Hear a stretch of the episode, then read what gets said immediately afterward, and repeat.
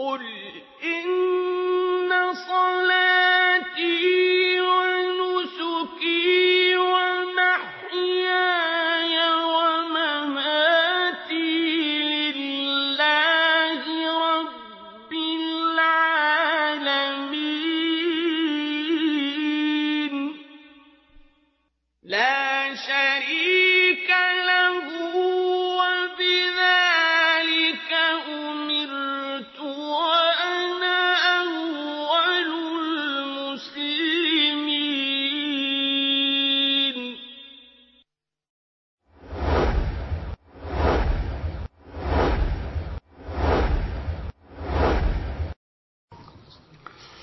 إن الحمد لله تعالى نحمده ونستعين به ونستغفره ونعوذ بالله تعالى من شرور أنفسنا وسيئات أعمالنا.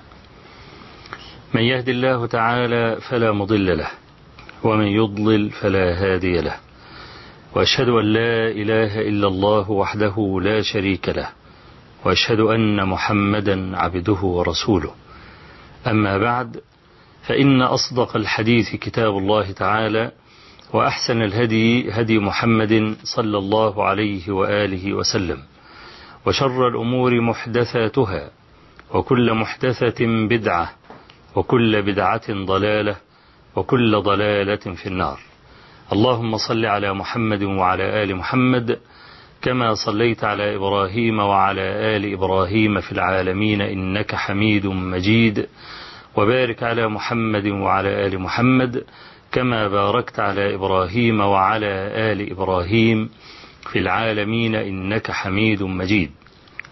أخرج الإمام مسلم في صحيحه من حديث معاوية بن الحكم السلمي رضي الله عنه قال بينما أنا أصلي مع رسول الله صلى الله عليه وآله وسلم يوما إذ عطس رجل من القوم فقلت له يرحمك الله فرماني القوم بأبصارهم. فقلت واثكل أمياه ما لكم تنظرون إلي؟ فجعلوا يضربون أفخاذهم بأيديهم يصمتونني لكني سكت. فلما قضى النبي صلى الله عليه وآله وسلم صلاته بأبي هو وأمي ما رأيت معلما قبله ولا بعده أحسن تعليما منه. فوالله ما كهرني ولا شتمني ولا ضربني. ولكن قال إن الصلاة لا يصلح فيها من عمل الناس شيء إنما هو التسبيح والتكبير وقراءة القرآن أو كما قال رسول الله صلى الله عليه وسلم. فقلت يا رسول الله إن منا رجالا يأتون الكهان. قال قلت يا رسول الله إني حديث عهد بجاهلية. وإن منا رجالا يأتون الكهان. قال فلا تأتهم. قال ومنا رجال يتطيرون. قال ذاك شيء يجدونه في صدورهم فلا يصدنهم. قال ومنا رجال يخطون. قال كان نبي من الأنبياء يخط فمن وافق خطه فذاك. قلت يا رسول الله كانت لي جارية ترعى لي غنما قبل أحد.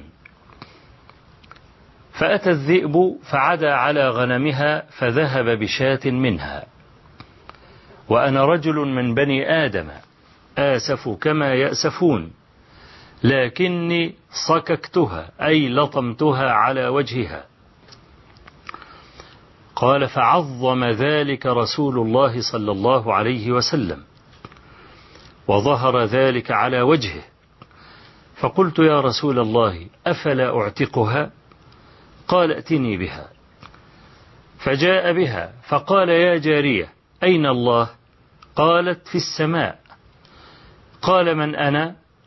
قالت أنت رسول الله. قال أعتقها فإنها مؤمنة. كنا وصلنا في فوائد هذا الحديث إلى قول معاوية لرسول الله صلى الله عليه وسلم. وإن منا رجالا يأتون الكهان. قال فلا تأتهم. وقد بينا في الحلقة الماضية هذه الفائدة وإجماع أهل العلم على حرمة إتيان الكهان. واليوم إن شاء الله تعالى نتكلم عن التطير وقد ذكرت شيئا منه في المرة الماضية ووقفت عند تعقب عائشة رضي الله عنها أبا هريرة في هذا الأمر. فقد روى الإمام أحمد بسند صحيح على شرط الشيخين وقد صححه الحاكم أيضا في مستدركه. عن أبي حسان الأعرج قال دخل رجلان على عائشة رضي الله عنها فقال إنا سمعنا أبا هريرة رضي الله عنه يروي عن رسول الله صلى الله عليه وآله وسلم أنه قال الشؤم في ثلاث في المرأة والفرس والدار. قال فلم قال فلما سمعت ذلك طارت شقة منها في الأرض وشقة في السماء. يعني من الغضب. وقالت والله ما قال رسول الله صلى الله عليه وسلم شيئا من ذلك. ولكن كان يقول كان أهل الجاهلية يتطيرون بذلك. وقد ذكرت أن بعض الناس طعن على أبي هريرة رضي الله عنه بتعقب عائشة رضي الله عنها. لا سيما وأتى أيضا برواية تدل على أن أبا هريرة لم يحفظ هذا الحديث. وذلك فيما رواه أبو داود الطيالسي في مسنده من حديث مكحول الشامي رحمه الله.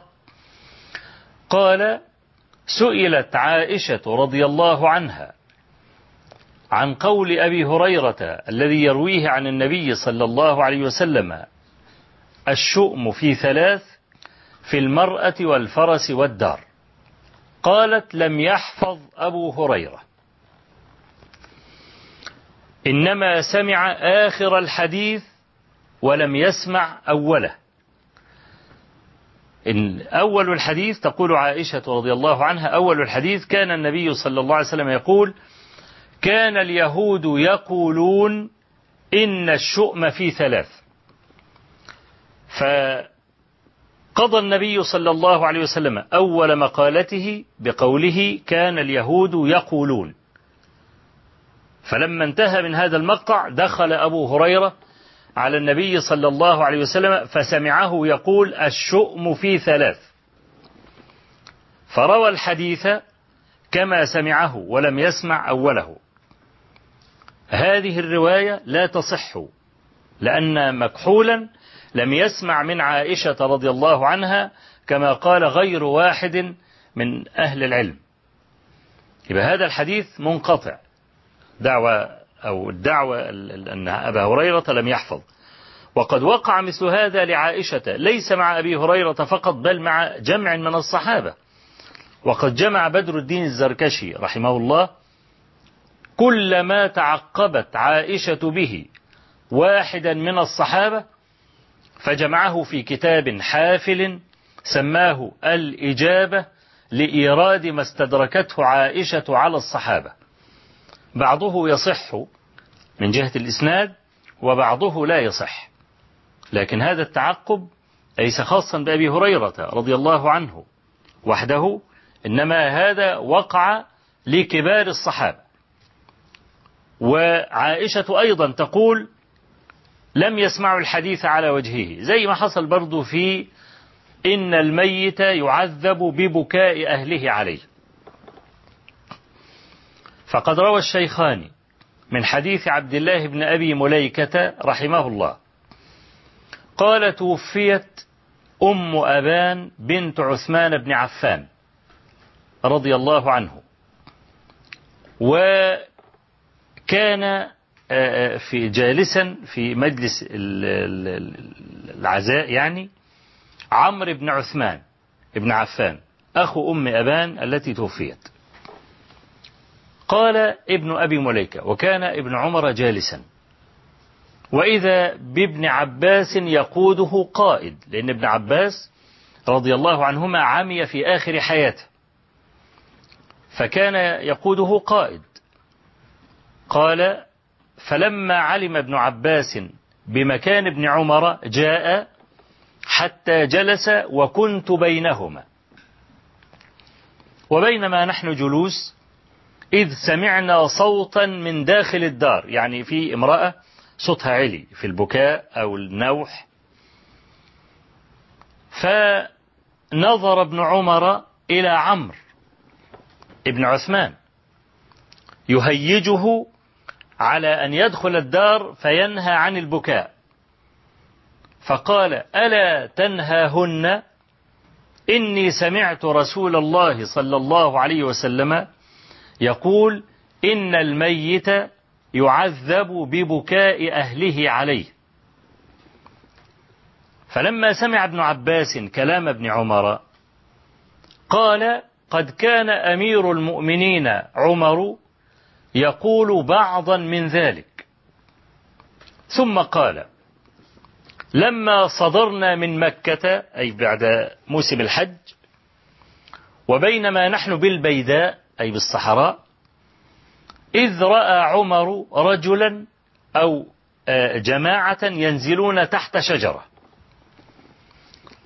فقال اذهب فاعلم لي علم هؤلاء من هؤلاء؟ فذهب فإذا هو صهيب الرومي أبو يحيى. ومعه بعض أهله. قال فرجعت إلى عمر فقلت له إنك قلت لي اعلم لي علم هذا الرجل ومن معه فهو صهيب ومعه أهله. قال ائتني به. قلت إن معه أهله. قال ائتني بهم وإن كان معه أهله. قال فأتيته فأعلمته. فلما وصلنا إلى المدينة ما هي إلا أيام يسيرة حتى طعن عمر. فدخل صهيب يبكي يقول وأخاه وصاحباه فقال عمر يا صهيب أعلي تبكي؟ قال إي والله يا أمير المؤمنين أبكي عليك. قال يا صهيب أو ما علمت قول النبي صلى الله عليه وآله وسلم إن الميت ليعذب ببعض بكاء أهله عليه. قال ابن عباس فكلمت عائشة في ذلك فأنكرت ذلك وقالت إنكم لا تحدثوني عن كاذبين ولا مكذبين. ولكن السمع يخطئ. إنما قال النبي صلى الله عليه وآله وسلم إن الكافر لا يعذب وإن أهله لا يبكون عليه. وفي بعض الروايات قال قالت عائشة إنما قال النبي صلى الله عليه وسلم ذلك في يهودية ماتت فقال إنها لتعذب وإن أهلها لا يبكون عليها. طبعا أهل العلم نظروا في هذا ولم يوافقوا عائشة رضي الله عنها على رد الحديث لأن هذا الحديث لم يتفرد بروايته لا عمر ولا ابنه إنما رواه أيضا صهيب الرومي وحفصة أم أم المؤمنين والمغيرة بن شعبة. يبقى عندنا خمسة من الصحابة. كلهم يقول سمعت رسول الله صلى الله عليه وآله وسلم يقول إن الميت لا يعذب ببكاء أهله عليه. ولا مانع أن يكون النبي صلى الله عليه وسلم قال هذا الحديث في مناسبتين. فسمعت عائشة كلامه عليه الصلاة والسلام في مناسبة وسمع عمر ومن معه كلامه صلى الله عليه وسلم مرسلا. أي مطلقا. إن الميت لا يعذب ببكاء أهله عليه. طبعا أهل العلم لهم يعني مسالك وفقوا بها بين هذا الحديث وبين الآية التي اعترضت بها عائشة رضي الله عنها على هذا الحديث. قالت بيني وبينكم كتاب الله ولا تزر وازرة وزر أخرى. الإمام البخاري لاحظ هذا. فلما ترجم على هذا الحديث قال باب الميت يعذب ببكاء أهله عليه إذا كان ذلك من سنته. يعني الميت إذا أوصى بذلك قال إذا أنا مت فافعلوا كذا وكذا. كما قال القائل إذا مت فانعيني بما أنا أهله. وشقي علي الجيب يا ابنة معبدي. شق الجيب يعني إيه؟ تشق الملابس يعني. الجيب إلى فتحة الصدر. آه إذا الإنسان أوصى بذلك أو كان ذلك من سنته أو من سلو العيلة أو الأسرة أو الكلام ده إن الميت ما يروحش للقبر في طيس إنما لابد يعمله الليلة وراه ويصرخ ويلطم ويتمرغ في التراب والكلام ده. إذا كان ذلك من سنته فهذا يعذب. ليه؟ لأن هذا من عمله. عندما يقول افعلوا كذا فهذا صار من جملة عمله فيعذب من أجل هذا. أو إذا أهمل التنبيه على ذلك أيضا يؤاخذ. لقول الله عز وجل يا أيها الذين آمنوا قوا أنفسكم وأهليكم نارا. فالرجل إذا لم يكتب وصية أو لم يوصي أو, أو, أو لم ينههم عن ارتكاب ما نهى عنه رسول الله صلى الله عليه وسلم فيم يؤاخذ بهذا. أو كما حمله بعض أهل العلم يعذب ببكاء أهله عليه أي بالنوح. كل كلام يمدحونه به يعذب به أيضا. يعني يا يا تقول المرأة واجب له. مثلا زي ما حدث لبعض الصحابة رضي الله عنهم كأبي موسى الأشعري. لما أغشي عليه كما في صحيح البخاري أغشي عليه جعلت أخته تقول واجب له. وكذا وكذا. فلما أفاق قال لها ما قلت كلمة إلا قيل لي أأنت كذلك؟ واجب له أنت برضو جبل مثلا؟ فهم يمدحونه مثلا بأنه كان شجاعا وقد صرف هذا شجاعته في حياته إلى الباطل مثلا. تجاوز حدود الله وأخذته الحمية وظلم كثيرا من الناس. يمدحونه بالجود وإنما أنفق هذا المال ليس لوجه الله. فهم يمدحونه بالشيء الذي يعذب به. ليه؟ لأنه أنفقه في غير طاعة الله تبارك وتعالى. فالحديث له مخارج. ولذلك يعني أهل العلم يقولون إذا تعارض نصان فلا بد من حمل أحدهما على معنى خاص حتى لا يتعارض مع الآخر. وهذا ليس بمستنكر عند أهل العلم. يعني إذا تعارض نصان ما تجيش تقول ده النص ده بيضرب ده. أو ده بيعارض ده. العلماء في باب التعارض والترجيح وضعوا مئة وجه للجمع بين النصوص المتنافرة في الظاهر لأنه يستحيل أن يتناقض كلام صحيح عن النبي صلى الله عليه وسلم. أبدا مستحيل. بس بشرط أن يصح أن يصح الكلام. لكن ما أجيبش نص ضعيف وأعارض به نصا صحيحا.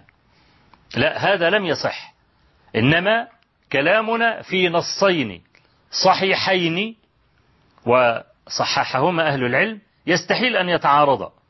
إنما التعارض يقع في ذهن القارئ ولا يدري كيف يجمع بينهما. يعني مثلا بعض الناس ينكرون حديث النبي صلى الله عليه وسلم لحوم البقر داء. يقول لك إزاي لحوم البقر داء؟ والنبي عليه الصلاة والسلام قد ضحى عن نسائه بالبقر في حجة الوداع. والبقر أحد الأزواج الثمانية المذكورة في سورة الأنعام. وأجمع الجميع على حل أكل لحم البقر. يبقى إزاي لحم البقر ده؟ الحديث ده مش صحيح. لو كان داء لنهانا عنه رسول الله صلى الله عليه وسلم. العلماء اللي هم العلماء يعني الذين يعلمون صحة هذا الخبر ويعلمون صحة الأخبار الأخرى لا يضربونها ببعض إنما حملوا قول النبي صلى الله عليه وسلم لحوم البقر داء على بقر مخصوص وهو البقر الذي يرعى في مكة. ليه؟ لأنه كان يرعى على العشب اليابس. فيعمل عنده يبوسة في اللحم. أو حملوه على الإكثار من لحوم البقر من أكل لحوم البقر. فلم يعارضوا به. الأخبار الثابتة أن النبي صلى الله عليه وسلم ضحى عن نسائه بالبقر. كذلك حديث الوائدة والموؤودة في النار. قال طيب ماشي الوائدة ماشي تبقى في النار لأنها وأدت وقتلت. طب الموؤودة المظلومة دي تبقى في النار ليه؟ طب ما إحنا نجمع طرق الحديث ونشوف الحديث ده هل له مناسبة ولا لا. نعم كان له مناسبة. جاء رجلان إلى النبي صلى الله عليه وسلم وقال يا رسول الله إن أمنا ماتت في الجاهلية وإنها وأدت أختا لنا برضو في الجاهلية. فقال عليه الصلاة والسلام الوائدة والموؤودة في النار. طيب الوائدة ماشي دي ماتت في الجاهلية. ومش زي ما أنا قلت في المرة الماضية ليس كل الذين ماتوا قبل بعثة النبي صلى الله عليه وسلم من أهل الفترة. لا كان دين إبراهيم عليه السلام موجودا في الجزيرة في في الحجاز. كان موجودا في مكة. وكان العرب إنما يحجون بدين إبراهيم عليه السلام. المناسك اللي العرب كانوا بيعملوها لم يخترعوها من عند أنفسهم. ليس كل من مات في الجاهلية مات يكون من أهل الفترة. فهذه المرأة ماتت في الجاهلية. طيب. والبنت التي وأدتها حمل العلماء أمر هذه الموؤودة على الخصوص بمعنى أنها موؤودة لو كبرت لكفرت. قضى الله عز وجل عليها ذلك. وليس هذا وليس هذا بمستنكر. فإن الغلام الذي قتله الخضر طبع كافرا كما رواه الشيخان في صحيحيهما من حديث أبي من حديث أبي بن كعب رضي الله عنه. قال الغلام الذي قتله الخضر طبع كافرا. أي أنه لو كبر لكبر على الكفر كما نص على ذلك القرآن. فخشينا أن يرهقهما طغيانا وكفرا. لو كبر كان كافرا. فيقوم العلماء كما يقول ابن عبد البر وغيره يوم يحملون هذا الحديث على معنى مخصوص حتى لا يعارض به الأدلة العامة. وهذا مسلك معروف عند أهل العلم. يبقى لما أي إنسان يعاري يعني يجد تعارضا بين نصين إذا لم يجد توفيقا بينهما فليكل ذلك إلى عالمه. إلا أن يكون عالما مجتهدا فيقول أنا لا أعلم وجها لهذا النص لأنه يعارض هذا. وهذا التعارض يقع لكبار العلماء لكبار العلماء. وحسبنا ما وقع لعائشة رضي الله عنها في مثل هذا الموضع. فإنها تقول في ما يتعلق بأن الميت لا يعذب ببكاء أهله عليه إنكم لا تحدثوني عن كاذبين ولا مكذبين ولكن السمع يخطئ. طيب السمع قد يخطئ مع واحد لكن لا يخطئ مع خمسة. كلهم يروي الحديث بنفس هذا النص ولذلك لم يوافق جماهير أهل العلم. عائشة رضي الله عنها على هذا. كما لم يوافقوها أيضا على معارضة حديث أبي هريرة رضي الله عنه الشؤم في ثلاث في المرأة والفرس والدار. ليه؟ لأن هذا الحديث رواه عشرة من أصحاب النبي صلى الله عليه وسلم. منهم ابن عمر كما في الصحيحين. ومنهم سهل بن سعد الساعدي. في الصحيحين أيضا. ومنهم حديث جابر ابن عبد الله الأنصاري في صحيح مسلم. ومنهم حديث أم سلمة رضي الله عنها في سنن ابن ماجه بسند صحيح. ومنهم حديث أنس رضي الله عنه وهذا عند ابن حبان بسند حسن. ومنهم حديث عمر عند أبي يعلى ويعني حديث أبي سعيد الخدري عند ابن جرير الطبري في كتاب تهذيب الآثار وحديث أسماء بنت عميس عند الطبراني في الكبير وحديث سعد بن أبي وقاص عند أبي داود وعند الإمام أحمد وغيرهم. هؤلاء جميعا رووا هذا الحديث بهذا اللفظ. منهم من قال كابن عمر إنما الشؤم في ثلاث. فأورده هكذا بصيغة الحصر. لأن إنما عند كثير من أهل الأصول والعربية صيغة تفيد الحصر زي نفي الاستثناء بالضبط.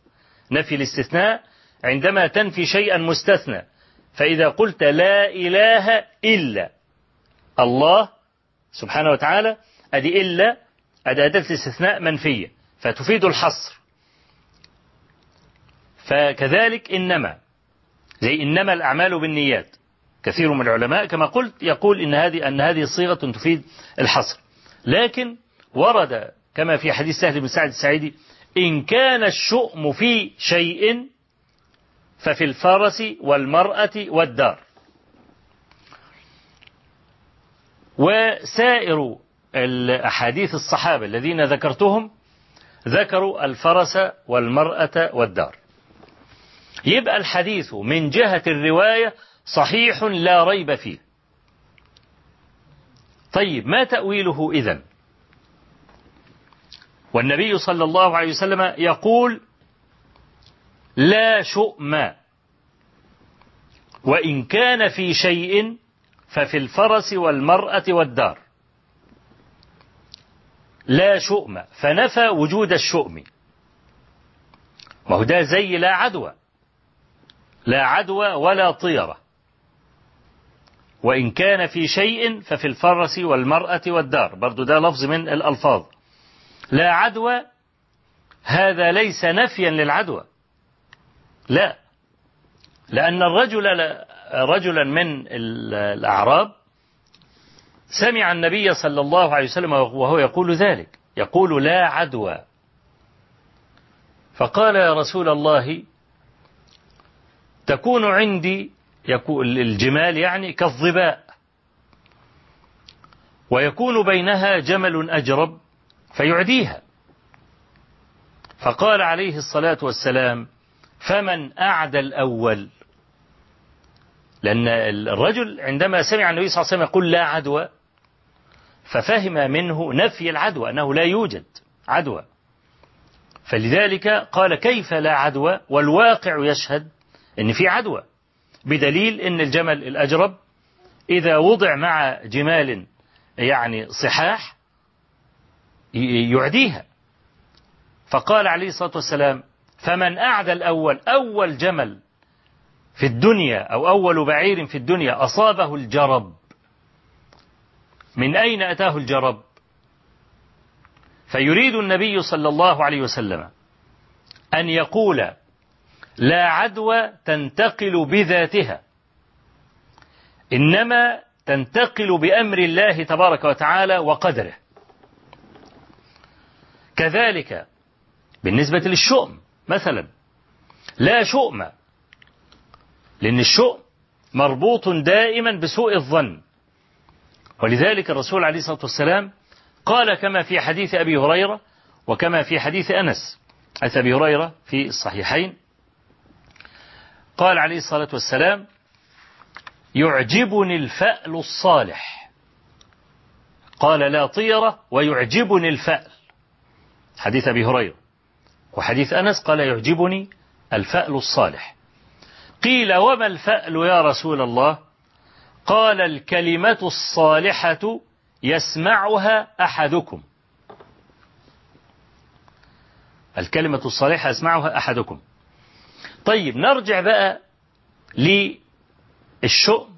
إن كان في شيء ففي الفرس والمرأة والدار. ليه الثلاثة دول؟ قال لك لكثرة ملابسة الرجل امرأته وفرسه وداره. أكثر ثلاث أشياء تصاحب الرجل أو تصاحب الإنسان يعني امرأته ودابته التي يركبها وداره التي يسكنها. فقد يصادف أن تكون المرأة على غير ما يريد الرجل فيتأذى بها. فكلما حدث له شر أناطه بالمرأة بسبب استمرار أذاها. وكانت العرب تقول رب مملول لا يستطاع فراقه. الراجل كاره الست أو المرأة تكره الرجل بس مش عارفين يفرقوا بعض. كل واحد له علة. المرأة لا تريد أن تطلق. ليه؟ ملهاش مأوى. أو إن البيت عند أهلها أسوأ من بيت زوجها. أو أنها لا تجد من ينفق عليها. أو أنها لا تستقل بتربية أولادها. أو أنها تحتاج إلى من يحميها ويقضي حوائجها. فتصبر على أذى الرجل وأذاه شديد وتفضل إنها تجرع الذل في هذا المكان أفضل ما تجرع الذل في أماكن أخرى وكن بجنب هذا الذل ذل آخر. وكذلك يكون الأمر أيضا بالنسبة للرجل عنده علل.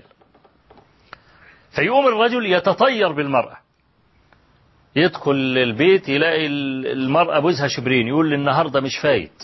النهاردة باين عليه يوم أسود. النهاردة. يبتدي يتطير. قد يصادف إن حاجة في البيت تتكسر أو إن هو يتعطر يتكسر مثلا. فيعتبر أن هذا من شؤم المرأة برغم أنه لا علاقة للمرأة بقدميه التي انكسرت.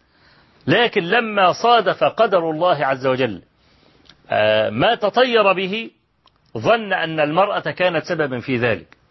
ولذلك الرسول عليه الصلاة والسلام يقول الطيرة شرك. قال ابن مسعود وما منا إلا ولكن ولكن الله عز وجل يذهبه بالتوكل.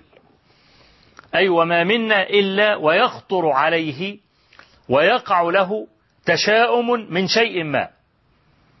لكن المرأة إذا مضى وتوكل على الله عز وجل ينقضي الأمر. فلكثرة ملابسة الرجل كما قلت هذه الأشياء يقع قد يصادف كما قلت قدر الله عز وجل في شيء من هذا. زي ما حدث برضو كما في سنن أبي داود من حديث أنس رضي الله عنه. جاء رجل إلى النبي صلى الله عليه وسلم قال يا رسول الله كنا في دار نسكنها. كثير عددنا. كثير أموالنا. فتحولنا منها إلى دار أخرى. فنقص عددنا وقل مالنا. فيه بيحصل حاجات زي كده. ينقل من دار إلى دار يبتدي ينتكس مرة أخرى. يتزوج امرأة تحصل له خسائر في التجارة. يقول المرأة دي من يوم ما اتجوزتها وهي شؤم. عليا حصل لي كذا وكذا وكذا ولم ألا أستريح ولا ولا إلى آخره. مع أن المرأة لا علاقة لها بذلك إنما صادف قدر الله عز وجل إن الرجل تزوج المرأة. فالرسول عليه الصلاة والسلام قال ذروها ذميمة. أي اخرجوا من هذه الدار. ليس في هذا إثبات للشؤم. ولكن لما صادف قدر الله عز وجل قلة عددهم وقلة أموالهم فمن باب سد الذريعة وحسم المادة أخرج. ليه؟ لأن هو خلاص هيعتقد أن الدار مش ليست مباركة. العتبة بتاع الدار مش عتبة مباركة. فيصرف الأمر في ذلك لغير الله عز وجل فيقع في الشرك. ومسألة سد الذريعة هذا باب عظيم في هذه الشريعة الغراء. يعني قبل أن يقع المرء في الحرام يسد الذريعة إلى الحرام. الذريعة اللي هي الطريق يعني. سد الذريعة يسد الطريق. آه كما نهى ربنا تبارك وتعالى المؤمنين عن النظر إلى المرأة آه الأجنبية. وقل للمؤمنين يغضوا من أبصارهم وقل للمؤمنات يغضضن من أبصارهن. ليه؟ لأن العلماء يقولون إن النظر بريد الزنا. الرجل إذا نظر للمرأة مرة واثنين أو صوب النظر إليها وسلط النظر عليها فهذا ممكن. الإنسان خلاص صورة المرأة صارت في ذهنه قد يدفعه ذلك. إلى ارتكاب الفاحشة. ولذلك الرسول عليه الصلاة والسلام آه تسامح في نظر الفجأة فقط. ونهى عن إطالة النظر بعد ذلك. وقال لعلي ابن أبي طالب رضي الله عنه إنما الأولى لك والثانية عليك. الأولى لنظر الفجأة بيرفع بصره وجد امرأة خلاص يصرف بصره مباشرة. إنما إذا نظر إليها مرة أخرى تبتدي بقى عداد السيئات يعد عليه. النظرة الثانية والثالثة والكلام.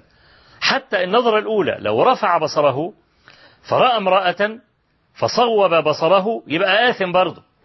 ما يجيش يقول أنا لسه في النظرة الأولى والنظرة الأولى أنا لسه طالما لم أصرف بصري يبقى الثانية ما جاتش. لا عشان عشان ما فيش حد يقع في وهله ولا في ظنه مثل هذا الكلام. سئل النبي صلى الله عليه وسلم عن نظر الفجأة. فالنظر النظرة الأولى المقصود في حديث علي هي نظر الفجأة. فعندنا سد الذريعة. سد الذريعة أي إن هو يعني يغلق عليك الباب قبل أن تصل إلى الحرام تعرفين حديث النعمان ابن بشير رضي الله عنهما في الصحيحين. وهو حديث مشهور. قال النبي صلى الله عليه وسلم الحلال بين والحرام بين وبينهما أمور مشتبهات. لا يعلمهن كثير من الناس. فمن اتقى الشبهات فقد استبرأ لدينه ولعرضه. فانت تصور بقى عشان بس أمثل لك الذريعة كيف كيف تكون وكيف نسدها. الحلال بين خلاص الحلال دي المنطقة دي منطقة الحلال. ودي منطقة الحرام. أدي الحلال أهو وأدي الحرام. وادي منطقة الشبهة بينهما. ما بين الحرام ما بين الحلال والشبهة في جدار.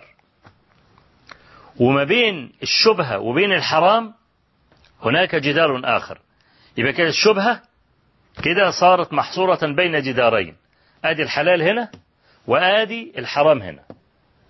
إذا ظل الرجل في منطقة الحلال يستحيل يصل إلى الحرام. لا يصل إلى الحرام إلا إذا قفز من على الجدار ودخل في منطقة الشبهة. طول ما هو لسه جنب الجدار بعيد عن الحرام جنب الجدار الفاصل ما بين الحلال والشبهة يبقى لسه بعيد. أما يبتدي يترخص يرخص لنفسه شيئا فشيئا يبتدي يمشي بقى. كل ما يبتدي يمشي ناحية الجدار الفاصل ما بين الشبهة والحرام يبقى اقترب من الحرام. يبقى الرجل لا يصل إلى الحرام إلا إذا خاض في منطقة الشبهة. عشان كده الرسول عليه الصلاة والسلام قال فمن اتقى الشبهات فقد استبرأ لدينه ولعرضه. استبرأ لدينه ولعرضه. أما استبرأ لدينه فواضح. لأن كل ما يوغل في منطقة الشبهة يبقى داخل على الحرام. واستبرأ لعرضه يتقي الشبهة. يعني مثلا جاءني بعض الناس يوما يشتكي. لما سمع مني مرة قلت من أراد أن يحرز الأجر في قوله صلى الله عليه وسلم أنا وكافل اليتيم كهاتين وقرن بين السبابة والوسطى فلا يستطيع أن يصل إلى ذلك أن يكون كتفه. في كتف النبي عليه الصلاة والسلام لأن ده معنى وقرن بين السبابة والوسطى هكذا إلا إذا تزوج أم اليتيم. سمع مني هذا الكلام إن هو إذا أراد أن يحرز هذا الأجر سمع هذا الكلام. انطلق اجتهد هو براحته يعني ويعني حاول إن هو يعني يكفل يتيما. بس مش قادر يتزوج عنده مشاكل عشان يعدد مثلا. فبدأ يختار بيت فيه يتامى وبدأ يتردد على هذا البيت. يودي لهم أكل يودي لهم شرب يخبط على الباب يطلع الأولاد يسألوا الكلام ده. فالمرأة اشتكت. إزاي ده فلان بيجي والكلام يقول يعني خير تعمل شرا تلقى. يعني أنا دلوقتي جاي أكفل اليتامى والكلام ده هو المرأة عمالة تشتكي مني. أنا أيوه تشتكي منك لأنك أنت يعني شبهت المرأة. رجل يتردد على بيت فيه امرأة وليس فيه رجل. إيه يعني الناس تظن إيه؟ الناس تظن إيه يعني؟ يبقى أنت كده لوثت عرض هذه المرأة ولوثت عرضك أنت أيضا. لست يعني مش عايز أعمل مقارنة مش مش هقول لك لست كالنبي عليه الصلاة والسلام. والحديث حديث في الصحيحين أن صفية رضي الله عنها ذهبت إلى النبي صلى الله عليه وسلم في الاعتكاف. كان أزواج النبي صلى الله عليه وسلم كلهن يذهبن إليه في الاعتكاف. إلا صفية. فمن باب العدل يعني أرسل إليه النبي عليه الصلاة والسلام عشان برضو إيه؟ برضو تجلس معه بعض الوقت مثلما يعني جلس أزواج النبي صلى الله عليه وسلم قبلها. فجاءت صفية متأخرة. فالرسول عليه الصلاة والسلام لما أنهت صفية يعني انتهى من الجلسة مع النبي صلى الله عليه وسلم قام ليقلبها ليودعها يعني. فمر رجلان من الأنصار. فلما رأى رأي النبي عليه الصلاة والسلام مع امرأة لم يميزاها أسرع الخطى. فالنبي عليه الصلاة والسلام لما شافهم كده أسرع الخطى على غير العادة ناداهما. قال على رسلكما على مهلك أنت وهو. إنها صفية دي امرأتي. قال سبحان الله يا رسول الله يعني نشك فيك. آه إنها صفية تعرفنا إنها صفية وأنت رسول الله. قال إني خشيت أن يقذف أي الشيطان في قلوبكما فتهلك. يعني سوء الظن في النبي كفر. إذا أساء الظن في النبي فرحمة منه صلى الله عليه وسلم بهما قال لهم على رسلكما إنها صفية. وهذا رسول الله صلى الله عليه وسلم يستبرئ لعرضه. فالنهاردة لما يجي واحد عشان يعمل خير لابد أن تسلك سبيل الخير. وقد قال عبد الله بن مسعود كلمته الحكيمة قال كم من مريد للخير لا يبلغه. آه يا ناس عايزين يوصلوا للجنة. والمثل عندنا اللي بيقول لك إن الطريق إلى النار مفروش بالنيات الصالحة. آه كثير من الناس يريد شيئا صالحا يفعله لكنه التمس ذريعة غير صالحة. لذلك لم يصل. فالرسول عليه الصلاة والسلام يقول لنا الآن من اتقى الشبهات استبرأ لدينه ولعرضه. يبقى أنا عندي بقى الرجل الذي يلزم الحلال المحض ولا يختلط بالشبهة. كل ما تيجي عليه شبهة ينفيها عن نفسه يستريح. وهنا أود أن أنبه إلى خطأ يقع فيه كثير من الناس فيما يتعلق بحديث للنبي صلى الله عليه وسلم. اللي هو فيه استفت قلبك وإن أفتاك المفتون. الحديث ده ضعيف ابتداء. ولو فرضنا أنه صح فبلاقي ناس في باب الحلال والحرام يقول لك أنا استفتيت قلبي. أحط أموالي في البنك ولا ما أحطش أموالي في البنك؟ قال لك أنا استفتيت قلبي. لا استفت قلبك لو صح الحديث إنما يكون في مسائل الورع وليس في مسائل الحلال والحرام. مسائل الحلال والحرام فيها نصوص. من التبس عليه شيء أحلال هو أم حرام؟ فعليه بأهل العلم. قال الله عز وجل فاسألوا أهل الذكر إن كنتم لا تعلمون. وإلا لو كان كلما عرض شيء من الحلال والحرام لإنسان فاستفتى قلبه فما قيمة العلماء؟ وما قيمة الأدلة؟ يبقى خلاص انتهت القصة. أيوة ربنا عز وجل لما قال فاسألوا أهل الذكر. قال الكلام ده لمين؟ دل دلتنا هذه الآية على أن الناس أهل ذكر وأهل جهل. يبقى عندنا جاهل وعندنا عالم. يبقى الجاهل إذا عرض له شيء يسأل العالم. فلو كان الأمر كما يظن هؤلاء استفت قلبك؟ يبقى خلاص أصبحنا في غنى تماما عن العلماء وعن العلم وعن القرآن والسنة. لا. استفت قلبك. لو صح الحديث إنما هو في مسائل الورع. زي إيه مثلا؟ يعني رجل آه بيبلط بلاط أو رجل كهربائي. وقالوا له تعالى عندنا صالة قمار أو عندنا حانة خمر.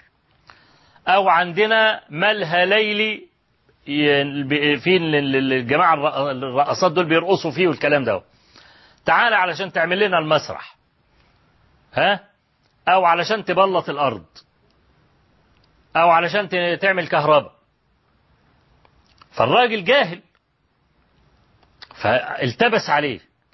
طيب ما أنا ببلط البيوت وببلط ال ال العمارات والكلام ده هو لكن دي حانة.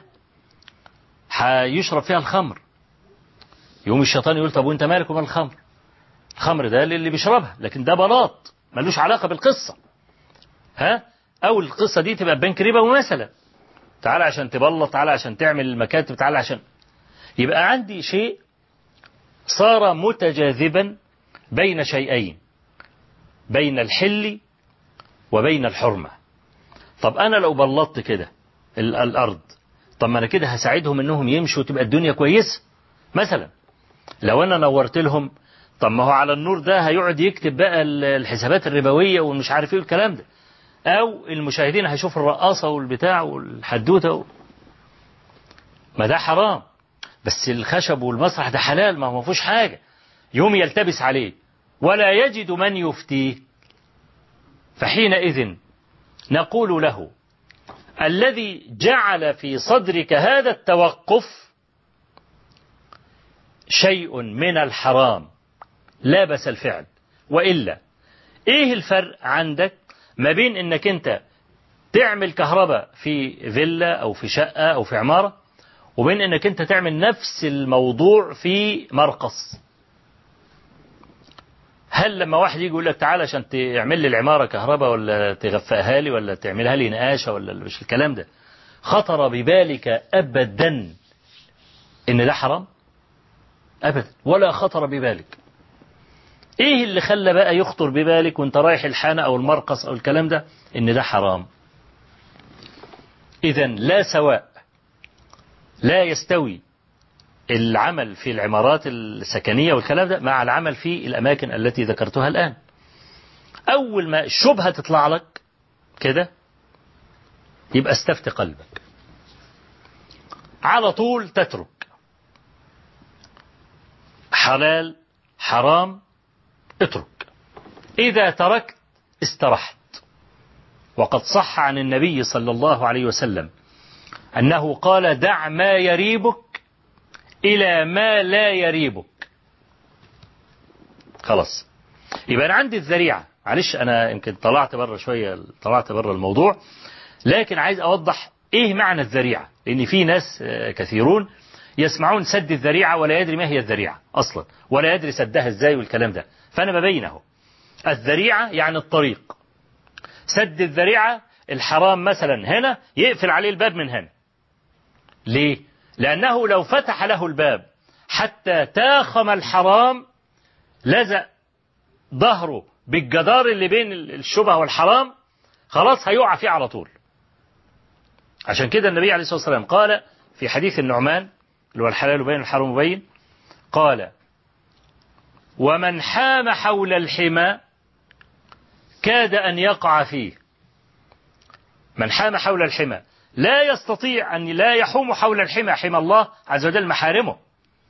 لا يحوم حول الحمى إلا من غادر منطقة الحلال وأوغل في منطقة الشبه حتى تاخم الحرام. بقى جنبه على طول. يبقى سد الذريعة أقفل عليك باب الشبهة على طول. فكل شيء فيه شبهة يبقى أنا هقفله. فالرسول عليه الصلاة والسلام لما قال ذروها ذميمة حتى لا يقع في روع هؤلاء. ودي دار مسكن لا يستغني المرء عنه. ويأتيه كل يوم.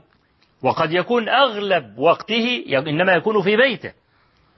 فإذا وقع في صدر الرجل إن الدار دي من يوم ما جيتها وأنا لم أرى خيرا يوم يظن أن الدار لها تأثير يبقى دخل في الشرك. عشان كده النبي عليه الصلاة والسلام قال لا طيرة. وقال ذاك شيء يجدونه في صدورهم. فلا يصدنهم. وندب النبي صلى الله عليه وسلم. بدل من هذا إلى الفأل. فالصحابة التبس عليهم. فاستفهموا. ما الفأل؟ الإنسان يتفاءل. ما هو ده برضو ممكن نقع في نفس المحظور بتاع التشاؤم. يوم يتفاءل بالشيء ويظن الشيء هو الذي جلب له النفع فحتى لا يلتبس هذا بذاك قال النبي صلى الله عليه وسلم موضحا هذا التفاؤل قال هي الكلمة الصالحة يسمعها أحدكم ولذلك كان صلى الله عليه وسلم كما في سنن الترمذي وصححه يحب إذا خرج لبعض حوائجه أن يسمع يا نجيح ويا راشد. يا نجيح ويا راشد. إيه نجيح من النجاح وراشد من الرشد. فيقوم الإنسان يعني صدره ينشرح بالكلام. زي ما هو الرسول عليه الصلاة والسلام وأبو بكر الصديق في أي في أيام الهجرة أيام ما كان مهاجر. لقي بريدة ابن الحصيب وعليه ثياب بيض. وكان بريدة رضي الله عنه معه جماعة. فالرسول عليه الصلاة والسلام وهو بقى مهاجر مع أبي بكر سأل بريدة قال له ما اسمك؟ قال بريدة. فالتفت النبي صلى الله عليه وسلم إلى أبي بكر وقال برد أمرنا وصلح. أخذ إليه أخذ من الاسم نفسه.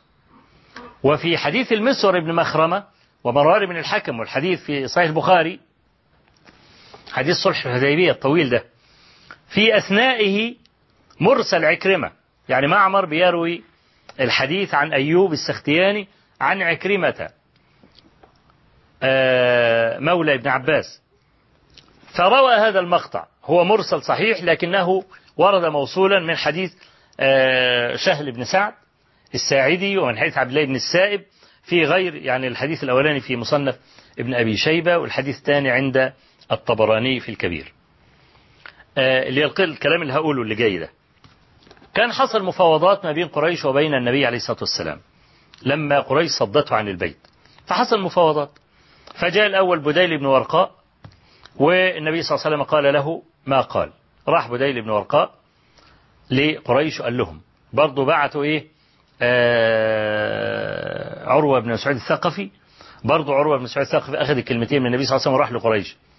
لما قريش يعني وافقت كده وخلاص هنعمل عقد بقى بيننا عقد هدنة آه بين قريش وبين النبي عليه الصلاة والسلام أرسلوا سهيل بن عمرو علشان يكتب بقى إيه؟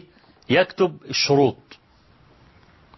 فلما رأى النبي صلى الله عليه وسلم سهيل بن عمرو قادما من بعيد قال سهل أمرنا. يعني خلاص المشكلة اتحلت. سهل أمرنا. أخذ سهل أمرنا منين؟ من اسم سهيل. عشان كده الرسول عليه الصلاة والسلام كان يندب إلى اختيار الاسم الصالح الاسم الفاضل. وأنا مش عارف في جليطة كده في في الأسماء في, في الأيام دي. عرفش لنا أسماء يعني غريبة الشكل. ويحط الأسماء دي على بنات. طب البنت دي يعني المفترض اسمها يكون اسم رقيق يعني. كويس. ما اجيبش اسم كده دبش كده واسمي بيه البنت. ليه؟ لأن الاسم قد ينفر. الاسم قد ينفر. فلازم أنا إذا أردت أن أختار اسما أختار اسما جيدا. العرب زمان آه كانوا بيختاروا أسماء ولادهم أسماء دبش وأسماء الموالي أسماء ناعمة. يعني الخدم الخدام يبقى اسمه تامر مثلا. إنما ابن ابني ابن الراجل اللي ده هو يسميه كلب وكليب وصخر. طب أنتوا إيه ليه ليه بتعملوا كده؟ طب الموالي دول العبيد دي تسميهم أسماء اللطيفة الظريفة الخفيفة دي وانت تسمي ابنك اللي هو أولى بيك كان لهم نظرة. قال نسمي موالينا لنا. ونسمي أولادنا لأعدائنا. ادخل عليها كلب. كله انهشه خلاص. يبقى خلاص زي حاجة حاجة مرعبة. لكن المولى اللي اللي بيخدمني أقول له تعالى يا صخر. لا. إنما أقول له يا تامر. هو يبقى أسد ولا كلب على مين؟ علي أنا؟ لا. يبقى أنا لما بسمي اسماء الأولاد بسميها لمين؟ لأعدائنا. وساعات الاسم يخض. يعني تأبط شرا مثلا ثابت بن جابر ده. لقب بهذا اللقب. تأبط شرا. اللقب ده له أسباب. قال لك لا الشيطان في السكة أم حطه الشيطان متشكل بصورة خروف أم حطه تحت باطه قال له يتأبط شرا. أي حاجة زي كده. لكن تأبط شرا ده لقيه رجل من ثقيف أهوج.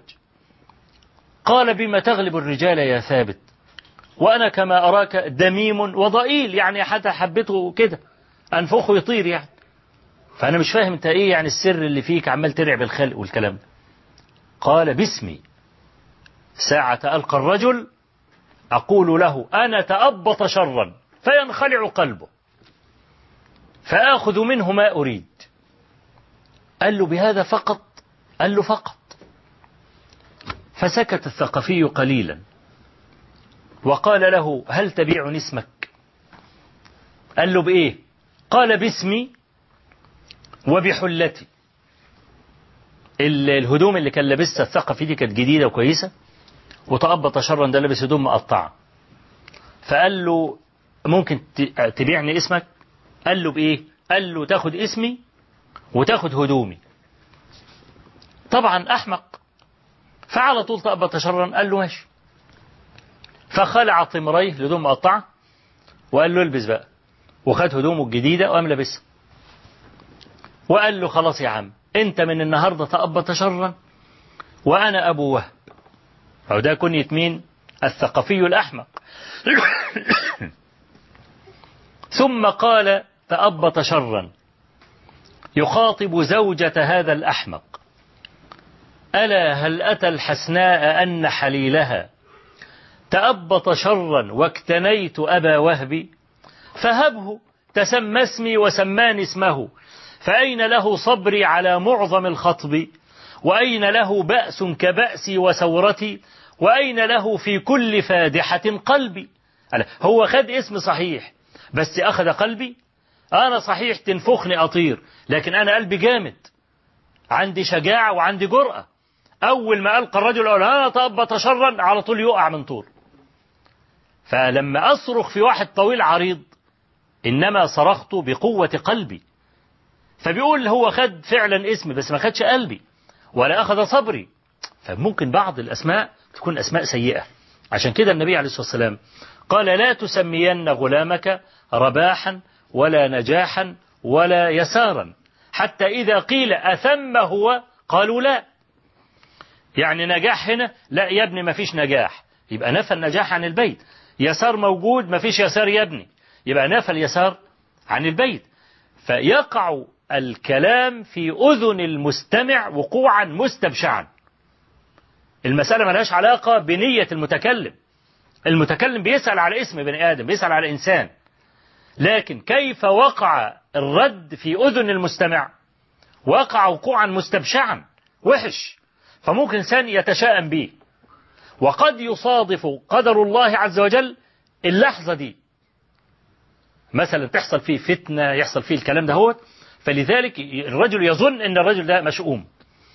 عشان كده يقوم يربط هذا بهذا يدخل بقى في الشرك. يعني زمان واحد راح يسأل على صديق له.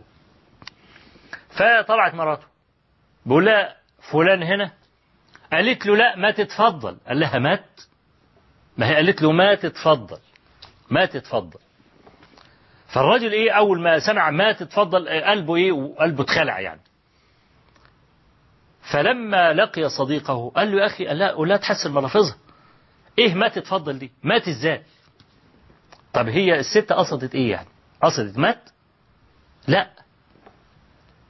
ما تتفضل. وقع هذا وقوعا مستبشعا في أذن إيه؟ في أذن المستمع وقد يصادف أن يموت. مثلا يبقى يقول لك المرأة دي شؤم فولت عليه. فولت من الفأل يعني. فولت عليه. يبقى إيه؟ وقع, وقع ال ال ال ال ال الإنسان في الشرك. عشان كده المسألة مسألة دقيقة. والنبي عليه الصلاة والسلام قال ذاك شيء يجدونه في صدورهم فلا يصدنهم. حاجة ممكن تأتي. لا يكون لها واقع. عشان كده الإنسان إذا تطير من شيء يمضي. يمضي وتوكل على الله عز وجل. وقدر الله ماض لا محالة فالنبي عليه الصلاة والسلام هنا يقول ذاك شيء يجدونه أي لا حقيقة له. ما يربطش ما بين هذا التشاؤم والتطير وما بين الواقع. لكن لأنه قد يصادف فسدا للذريعة نهى النبي صلى الله عليه وسلم عن ذلك. وللبحث صلة إن شاء الله تبارك وتعالى.